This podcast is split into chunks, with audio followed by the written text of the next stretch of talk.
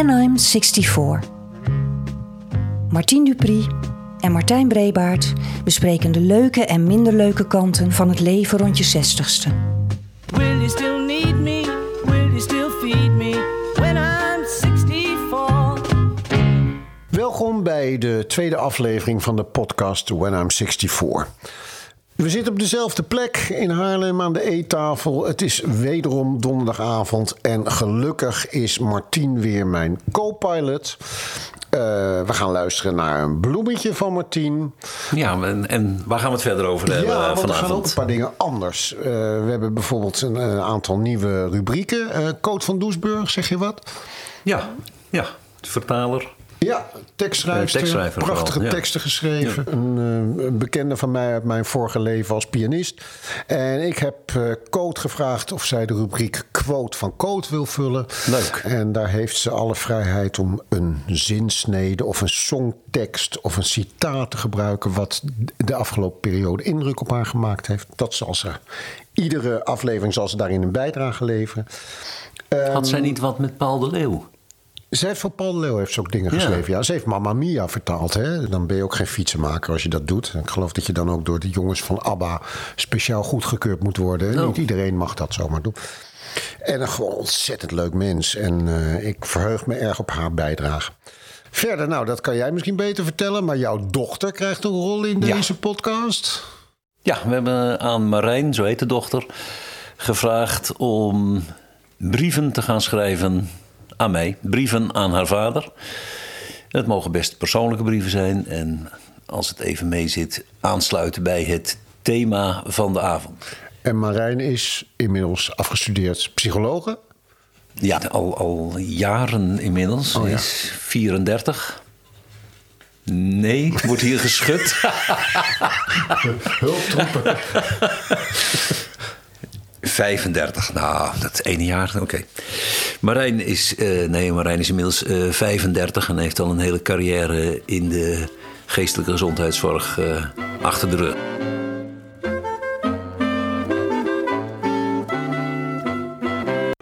Wat we ook gaan doen, de vorige aflevering was een beetje mijn verhaal. En we gaan vanaf nu gaan we thematisch werken.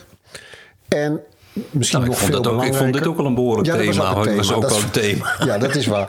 Eh, maar misschien is het tweede nog belangrijker. We gaan ook bij ieder thema gaan we een gast uitnodigen. Zo was ik verleden week, of de vorige aflevering zou je kunnen zeggen, gast in mijn eigen podcast.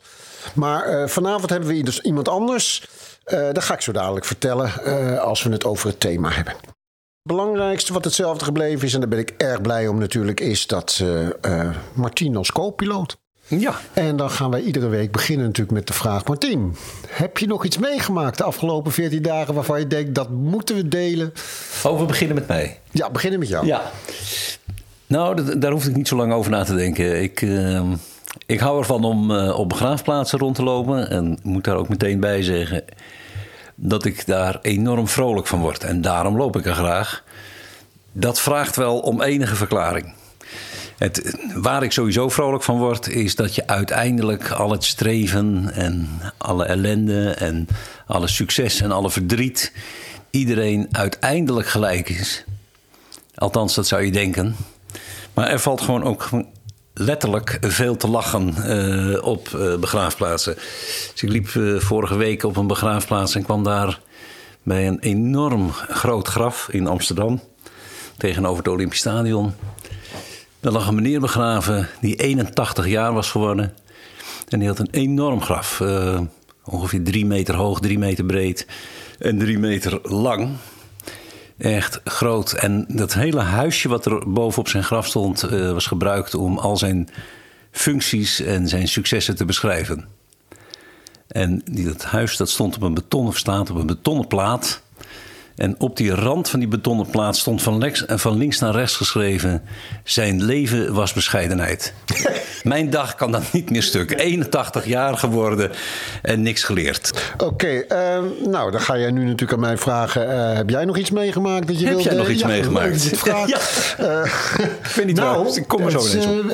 eh, misschien niet direct van een algemene urgentie, maar voor mij, ik moet je zeggen, uh, Mea en ik gaan met enige regelmaat gewoon een dagje naar een eigenlijk veel te chic uh, en te duur hotel, maar voor een nachtje kan dat. En zo waren wij in Otterlo, in Hotel Sterrenberg. Erg prettig hotel overigens. Um, en een van de dingen waarom ik een hotel zo ontzettend fijn vind, is het ontbijtbuffet. Ik ben echt als een kind in een, hoe zeg je dat? Kind in een snoeptrommel, weet je wel? Dat je Winkel, ja. Dat alles daar ligt en dat je daar uh, mag pakken wat je. Is er niet meer. Hele ontbijtbuffet weg. Je moet nu smiddags moet je gewoon opschrijven op een lijst welke vier dingen. Ook zo Hollands moeten er vier, hè? Vier. vier dingen. Eén ei. Ja, dus een croissant en een ei. Dat zijn er geloof ik al twee dingen. Ja. Dus, maar nog even los daarvan. Ik was dus bang. Ik denk van zou dat nou een gevolg van corona zijn? Dat dat Ja. ontbijtbuffet gewoon ons ontnomen wordt. Eh, Ik weet het dus eigenlijk niet. Want Oh, je hebt het ook niet gevraagd? Nee, ik heb het niet gevraagd. Nee, nee. Maar ik dacht misschien weet jij het. Of dat gewoon dat hele... Nou, ik weet, ik weet wel dat ik van hotel ontbijten inderdaad, ik doe me daar te goed aan.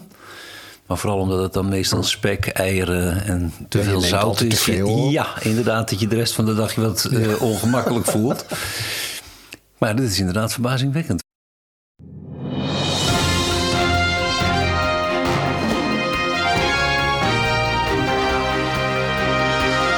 De quote van Coot.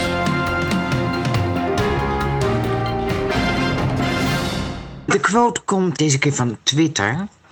Eh, het is een eh, stukje van Chris Klomp, journalist, over de coronaprotesten.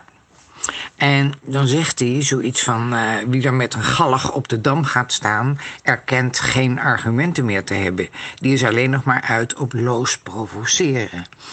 En de quote is dan: wie met een gallig of een doodskist zeult voor een ander, draagt alleen zijn eigen geloofwaardigheid ten grave.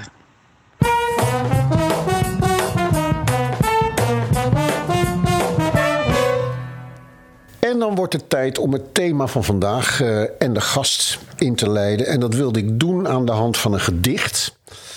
En ik moet er eerlijk bij zeggen, dat gedicht heb ik een paar keer geoefend, omdat ik het zo prachtig vind dat ik het meestal niet droog hou. Maar nu heb ik het zo vaak gedaan dat ik denk dat het wel goed komt. Het is van Rutger Kopland. Ken je Rutger Kopland? Ja, zeker. Ja? Vertrek van dochters heet het. Ze moesten inderdaad gaan. Ik had het gezien aan hun gezichten, die langzaam veranderden van die van kinderen in die van vrienden, van die van vroeger in die van nu. En gevoeld en geroken als ze me kusten. Een huid en een haar die niet meer voor mij waren bedoeld, niet zoals vroeger toen we de tijd nog hadden. Er was in ons huis een wereld van verlangen, geluk, pijn en verdriet gegroeid. In hun kamers, waarin ze verzamelden wat ze mee zouden nemen, hun herinneringen. Nu ze weg zijn, kijk ik uit hun ramen en zie precies datzelfde uitzicht. Precies diezelfde wereld van twintig jaar her, toen ik hier kwam wonen.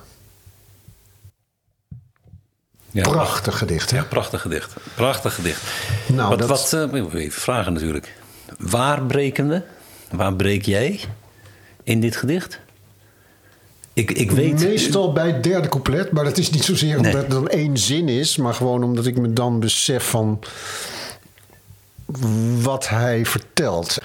Ja. En ik ga nu toch even vertellen waar, wat het thema van vanavond is. Het is namelijk het empty nest syndrome.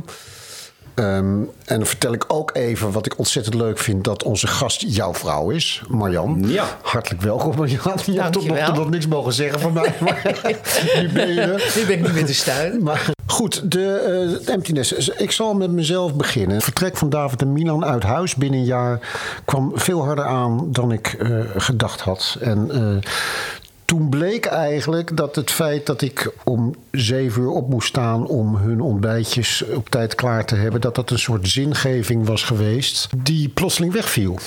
En eh, dat miste ik. Ik miste die jongens. Dat was veel groter dan ik, dan ik verwacht had. En ik ben in de eerste plaats benieuwd hoe, of jullie iets soortgelijks hebben meegemaakt en hoe dat dan was. Marjan.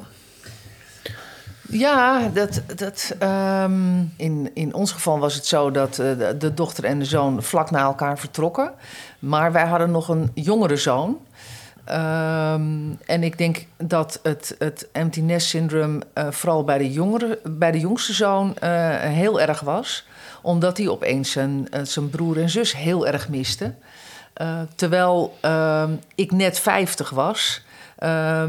En een ontzettend leuke baan had gevonden. Dus, dus eh, mijn zingeving verlegde zich. Ehm, en ik, ik denk dat het ook een beetje komt omdat wij uit een generatie komen eh, waarbij ik absoluut niet hetzelfde leven als mijn moeder wilde, die er alleen maar voor de kinderen was, maar dat ook eh, andersom op latere leeftijd heel erg claimde. Van ik ben er toch altijd voor jullie geweest, nu moeten jullie toch ook voor mij zijn.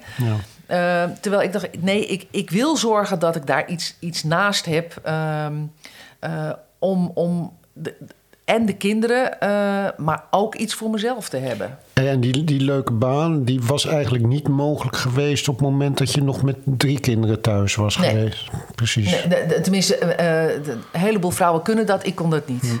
Bij mij ehm, was het feit dat de jongens het huis uit gingen eigenlijk alleen maar het afscheid nemen van iets. Maar bij jou was het dus ook juist het begin Ja. van iets nieuws. Ja, was ook het begin van iets nieuws. Hoe, hoe voelde jij dat, Martien?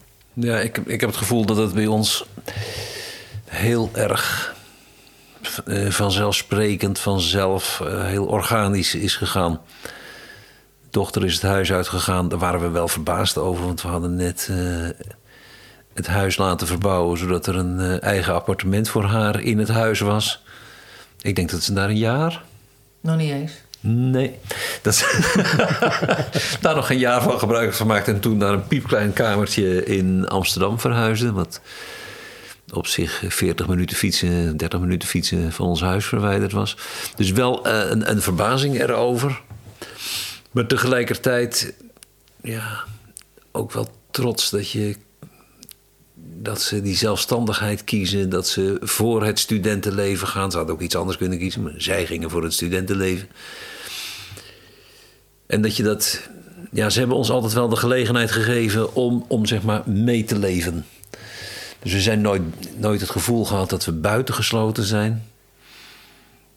Maar er zit natuurlijk wel, er zit, ontegenzeggelijk zit er iets in van missen. En er zit een, een verandering, zoals eh, Kopland dat beschrijft, in, in de verhouding. Nou gebeurt dat natuurlijk ook al als ze 16, 17, 18 zijn op de middelbare school. En, en, maar dat, je gaat dat meer merken eh, op het moment dat ze het huis uitgaan.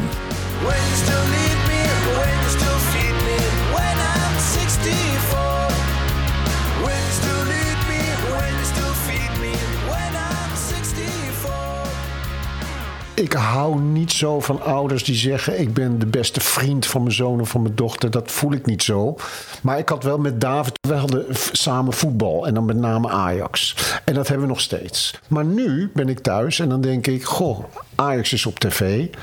Ehm, normaal gesproken, als David hier nog was, zou ik zeggen: joh, zullen we gezellig samen Ajax kijken? Doe ik nu niet dat vind ik dan toch. Dan ben ik te bang dat ik, dat ik hem lastig val. Begrijp je? Dat je denkt van ja. Terwijl ik het eigenlijk misschien heel leuk zou vinden om samen Misschien hij te ook wel. bellen. En misschien hij ook wel. Ja, dat is Ja. ook zo.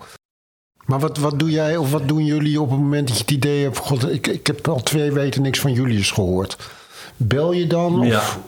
Ja. Ja. Ja. En we spreken ze daar niet op aan. Ik bedoel, dit is niet, maar gewoon van... Goh, we hebben elkaar al een tijd niet gesproken.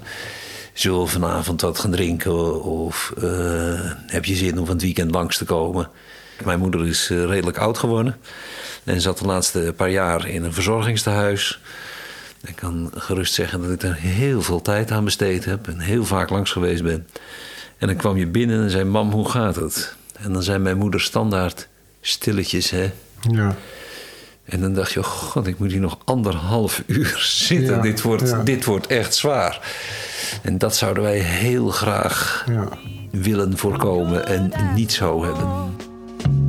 Will you still need me? Will you still feed me when I'm 64? We hadden het net over het gedicht van Copland. En ik vroeg me af, eh, eh, afscheid nemen, uit het raam kijken. Eh, eh, de kamers, Ja. Zijn die, heb jij die nog? Nou ja, dat is grappig dat je het zegt, want dat is dus wat ik zo mooi vind aan dat gedicht. Dat is wat mij eigenlijk het meeste raakt. Hè, dat laatste wat hij zegt, ik, ik, niet ik kijk uit het raam, of ook niet ik kijk uit het oude raam, ik kijk uit hun raam. Dus die kamer is vanaf dat moment de kamer van zijn dochters geworden. En al zijn die dochters het huis uit, die kamers zullen Ja. altijd de kamers van zijn dochters blijven. Blijven, ja. En eh, praktisch is dat bij mij een tijdje zo geweest dat ik, eh, ook wel een beetje omdat ik geen tijd voor had, maar ik had hier een kamer voor David en een kamer voor, eh, Mar- voor Milan. En ik weet nog dat ik dacht van nou, als ik nou allebei meteen weggooi, dan, dan gaat het wel heel ver. Dus we hebben daar één kamer van gemaakt van als ze hier blijven slapen. Dat is overigens nog steeds zo. Ehm, en toen eigenlijk, dat was eigenlijk het eerste moment, was trouwens ook dankzij Francisca, die zei van misschien moet je dat kamertje van Milan dan juist heel erg er iets van maken voor jezelf. En toen heb ik daar combinatie van een roeimachine en een meditatieruimte van gemaakt. voor zowel de geest als voor het lichaam. En ehm, echt ook helemaal opnieuw geschilderd en zo. En dat was een hele goede, goede beslissing. Want dat maakte ook het, het, het, eh, ja, het, het niet meer aanwezig zijn van de jongens. Dat ik ook de, de nieuwe mogelijkheden zag die, Ja. dat, die dat voor mij bood.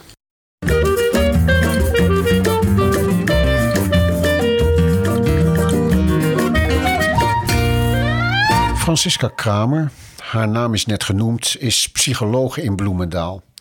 Het afgelopen jaar heb ik een aantal consults bij haar gevolgd, waarin ze me onder andere een paar relevante boeken heeft aangeraden. Boeken waaraan ik heel veel heb gehad. Het aanbod aan dit soort zelfhulpboeken is zo gigantisch dat het me een goed idee leek om Francisca te vragen elke aflevering één boekentip te geven. En vandaag doet ze dat voor het eerst. Het boek dat ik in deze aflevering graag onder de aandacht wil brengen is De Keuze van Edith Eger. Het is zo'n boek dat enorme indruk maakt en als bijbel kan dienen voor de rest van je leven. Dat heeft vooral ook te maken met het bijzondere levensverhaal van de schrijfster. Edith Eger kwam als meisje van 16 in Auschwitz terecht, waar ze vrijwel onmiddellijk haar beide ouders verloor. Omdat ze een getalenteerd balletdanseres was, moest ze dansen voor Mengelen. Wat haar uiteindelijk lukte door zich in te beelden dat ze optrad in een prachtige schouwburg. Op ongelofelijke wijze overleefde ze het kamp samen met haar zusje Magda en keerde meer dood dan levend weer in Hongarije terug, haar geboorteland.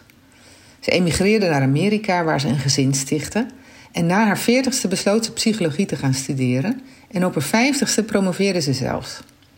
Inmiddels is ze ver in de negentig en geeft nog steeds therapie. Pre-corona reisde ze de wereld over om lezingen te geven. En zo kwam ze ook in Nederland, waar ik een van haar masterclasses mocht bijwonen. Wat een power en wat een liefde straalt deze vrouw uit. In haar boek De Keuze vertelt ze over haar leven en beschrijft hoe ze haar cliënten inzicht geeft en helpt om zichzelf te bevrijden uit hun mentale gevangenis. En dat merk ik ook bij mezelf en veel van mijn cliënten. Vaak houden we onszelf gevangen in ideeën over hoe de wereld in elkaar zit en laten we onszelf belemmeren door die ideeën. Als geen ander is Edith Eger in staat door haar levensverhaal en haar wijsheid je te laten nadenken over je eigen mentale gevangenis en je af te vragen of die tralies wel bestaan en als dat zo is, of die wel zo dik zijn als we denken.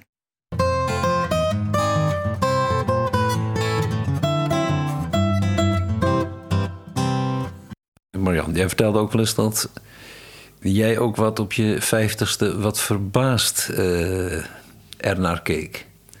Dat de kinderen het huis uit gingen, dat je dat niet had verwacht. Nee, dat, dat is ook zo. Ik, eh, ik was er verbaasd over dat, dat ik me nooit had gerealiseerd dat het eindig was.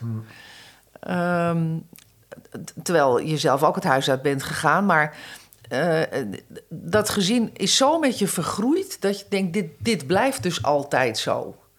Eh, ja, dat is, dus, dat is dus heel raar. Omdat Maar je ik dan... heb, dat, ik heb dat bij alle foto's die we van ons gezin hebben. Tenminste, van die uitjes waar grote foto's gemaakt worden. Artis, Efteling en dat soort dingen. Dat ik op dat moment ook altijd dacht, en dat kan ik me zelfs nog wel herinneren... op het moment dat die foto's werden genomen... dat zo is het en zo zal het altijd blijven. Dit is onze dochter, ook al had ze geen idee, maat 112 aan. Zo blijft het altijd. En, en dat is maar goed ook, want ik merk nu, of misschien jij ook wel, maar ik merk nu, nu we kleinkinderen hebben. En ik eh, eh, één, twee dagen per week voor de kleinkinderen zorg, merk ik dat hoe gelukkig ik ook ben als ik samen met die kinderen ben, dat daar ook altijd een enorme dosis eh, verdriet bij zit, omdat ik weet dat het eindig is. Als ouders hebben we dat nooit ervaren en vanaf het moment dat je een klein kind in je armen houdt, weet je dat dit in ieder geval voor jou eh, voorbij gaat. Hoe, hoe verklaar je dat verschil dan? Ik denk dat ook al zeggen wij dat dat, dat empty nest syndroom of dat afscheid van de kinderen uit, uit je huis, dat dat bij ons eigenlijk vanzelf gegaan is. Dat dat een hele harde levensles is. En dat je daarna, jaren later, sta je dan met een kind van je kinderen. En dat je dan verdomd goed weet dat het niet altijd zo blijft. Het is niet alleen maar, in ieder geval in mijn geval niet zo. Het is niet alleen maar dat ik me niet kan voorstellen dat ik de kleinzoon, eh, geen idee, nog zie afstuderen. Dat is inderdaad onwaarschijnlijk, maar dat is het niet alleen. Het is ook andersom. Je weet gewoon dat zoals het nu is, zo blijft het niet. En het enorme vertrouwen wat hij in jou heeft als grootvader, dat is er niet. Het enthousiasme waarmee de kinderen nu op je afkomen rennen, opa, oma. Ja, dat, je mag hopen dat als ze zeg maar 13, 14 zijn, dat dat toch een beetje dat dat wat minder is. Ik hoop het niet, maar ik bedoel, dat is wel hoe het gaat natuurlijk. Ik kan me herinneren dat ik dat ook wel heb ervaren als iets positiefs, omdat het gelukt was. Omdat het me, eh, omdat het me gelukt was de kinderen eh, te zien opgroeien. eh, en zelfstandig te zien worden. En dat mijn taak er als het ware op zat. Ik weet nog eh, dat toen de kinderen tot hun achttiende... eh, ik het niet goed vond dat Martien en ik samen in één vliegtuig zaten omdat een van ons toch de kinderen zou moeten opvoeden. Ehm, en ik vond het heerlijk dat dat niet meer hoefde. Dat die verantwoordelijkheid weg was. En dat vond ik ook wel weer een heerlijk gevoel eigenlijk. Ja, Ja. Bevrijding bevrijding, ja. van, en, van verantwoordelijkheid. ja, en dat, en dat het toch gelukt was. Dat het gelukt was dat we de kinderen het huis uit zagen gaan. Ja, dat is ook een heel, dat is natuurlijk ook wel een mooi gevoel. Want daar heb je toch je hele leven aan gewerkt, zeg Precies. maar. Ja, ja, ja. En ook mijn hele leven wel bang voor geweest. Ja. Eh, Laten we zeggen, op het moment dat je zwanger wa- eh, bent... dan hoop je toch dat je ze het huis uit ziet gaan. Brief aan mijn vader. Elke aflevering schrijft Marijn Iwema een brief aan haar vader Martien. Vandaag de brief van 7 oktober 2021. Hey pap, ik heb net je eerste aflevering geluisterd van de podcast met Martijn. Dat als jij een podcast met dit thema maakt, ja, dat verbaast me natuurlijk helemaal niks. Al zolang ik me kan herinneren, zeg jij bij elke verjaardag, wanneer ik je feliciteer, ik loop het bos alweer uit. Nou, als klein kind vond ik dat zo stom. Ik vond je echt een enorme sfeerspons. Stond ik daar met mam en mijn broers met vers afgebakken croissantjes, koffie en cadeautjes op je bed te springen. En dan vertelde jij doodleuk dat je weer een stapje dichter bij de dood was gekomen. Ja, de vergankelijkheid van het leven heeft jou altijd wel enorm geboeid. Jij leeft bijvoorbeeld helemaal op bij het rondkijken op begraafplaatsen. En jij staat altijd het langst stil bij graven die helemaal niet zijn onderhouden, waarin je de tand des tijds echt goed kan zien. En tijdens een van de vele rondjes die wij maakten over een begraafplaats, eh, bleef jij staan bij een graf. En in mijn herinneringen was dat een heel druilerige dag. En je stond stil bij echt een enorm graf, meer een soort mausoleum. En daaromheen stond een gigantisch hekwerk. Het moet heel oud zijn geweest, want ik herinner me dat het hek helemaal was verroest. Weggeroest zelfs op een aantal plekken. En het graf zelf was bedekt onder mos. En de inscriptie was bijna weggevaagd. En een grote steen bovenop was zelfs in meerdere stukken gebroken. ja, ik vond het er heel eng, naar en, en ook wel triest uitzien. En terwijl ik dat volgens mij nogal puberaal zei, zoiets van, eh, ja, jeetje, kunnen ze dat niet opruimen of zo? Reageerde jij op een manier die voor mij toen echt onbegrijpelijk was, want jij vond het juist mooi. Sterker nog, ik herinner me zelfs wat walging toen je zei dat eh, jij jouw graf ook zo zou willen hebben. Helemaal vergaan, want zo gaat dat. Nou, waar de ongrijpbaarheid van de tijd, de vergankelijkheid, mij enorm angstig maakt, lijkt dat jou juist heel erg te fascineren. En waar ik graag altijd alles wil houden zoals het is, zeg jij dat ook wel. Maar jij bent degene die hele grote veranderingen vaak in gang brengt. En waar ik probeer de tijd vast te zetten, te bewaren, door bijvoorbeeld verjaardagen heel groot te vieren en enorme fo- fotoalbums aan te leggen. Heb jij een hekel aan het vieren van je verjaardag? En zouden als mam niet enorm haar best had gedaan, alle foto's van mijn jeugd nog ongesorteerd ergens in een doos op zolder liggen? Nou, ouder worden is iets wat mij gewoon beangstigt. Natuurlijk hoop en wil ik wel ouder worden, maar tegelijkertijd vind ik het ook heel eng. En vanuit de theorie wordt vaak beschreven hè, dat jongeren bang zijn om ouder te worden en dat ouderen in ontkenning zijn van het ouder worden. En ondanks je fascinatie zie ik dat eigenlijk ook wel terug bij jou, pap. Want hoezeer je ook gefascineerd bent door de dood en, en het ouder worden van anderen, je lijkt het ouder worden van jezelf toch een beetje te ontkennen. Misschien vier je daarom liever geen verjaardagen van jezelf?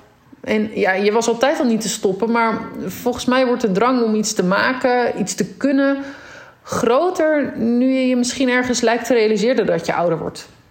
En natuurlijk ben ik vanuit mijn vak als psychologe al meerdere keren op zoek gegaan naar mijn angsten. En ja hoor, zoals een echte millennial betaamt, leek mijn angst uiteraard voort te komen vanuit mijn neiging tot controle.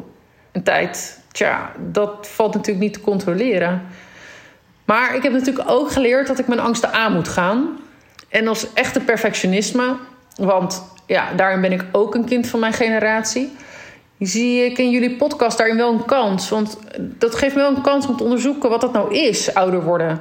Wat betekent ouder worden nou eigenlijk? Is ouder worden alleen maar rouwen omdat je bent verloren? Of juist een kans om jezelf te ontwikkelen, omdat je veel verwachtingen bijvoorbeeld kunt laten varen? Of is ouder worden iets wat je maar moet accepteren? Ben je eigenlijk oud vanaf je 64ste? Of ben ik, nu ik waarschijnlijk geen kinderen meer zal baren, nu al oud? Maar het belangrijkste voor mij is: wat doet ouder worden binnen een vriendschap of binnen een gezin?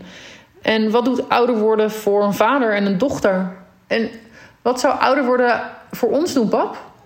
Maar tot volgende keer. Kus. Bloemetje van, bloemetje van, het bloemetje van Martien.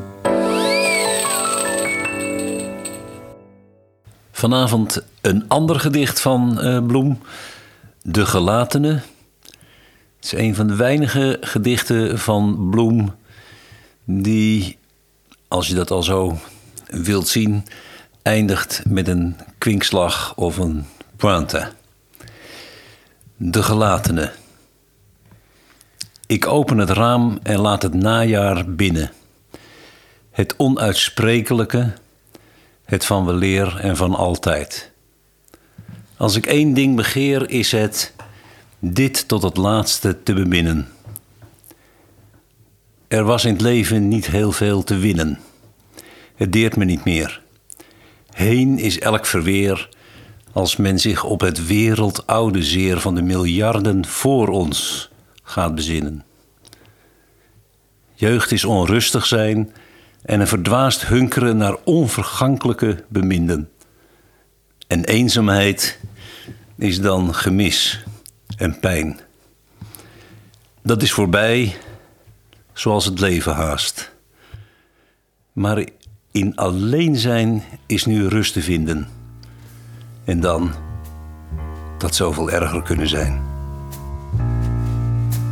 Snappy swaying on trellis and happy to be. Mr. Sunshine's right jealous. It's raining on me. Thank you, I'm doing fine on my own. I'm happy being alone. Ivy inching up lattice and taking all spring. I ain't gaining no status. It don't mean a thing. If it's important, have to postpone. I'm happy being. Het zit er weer op.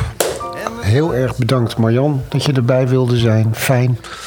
En eh Martine en ik zien jullie graag over 14 dagen weer. Terug voor de derde aflevering van When I'm 64.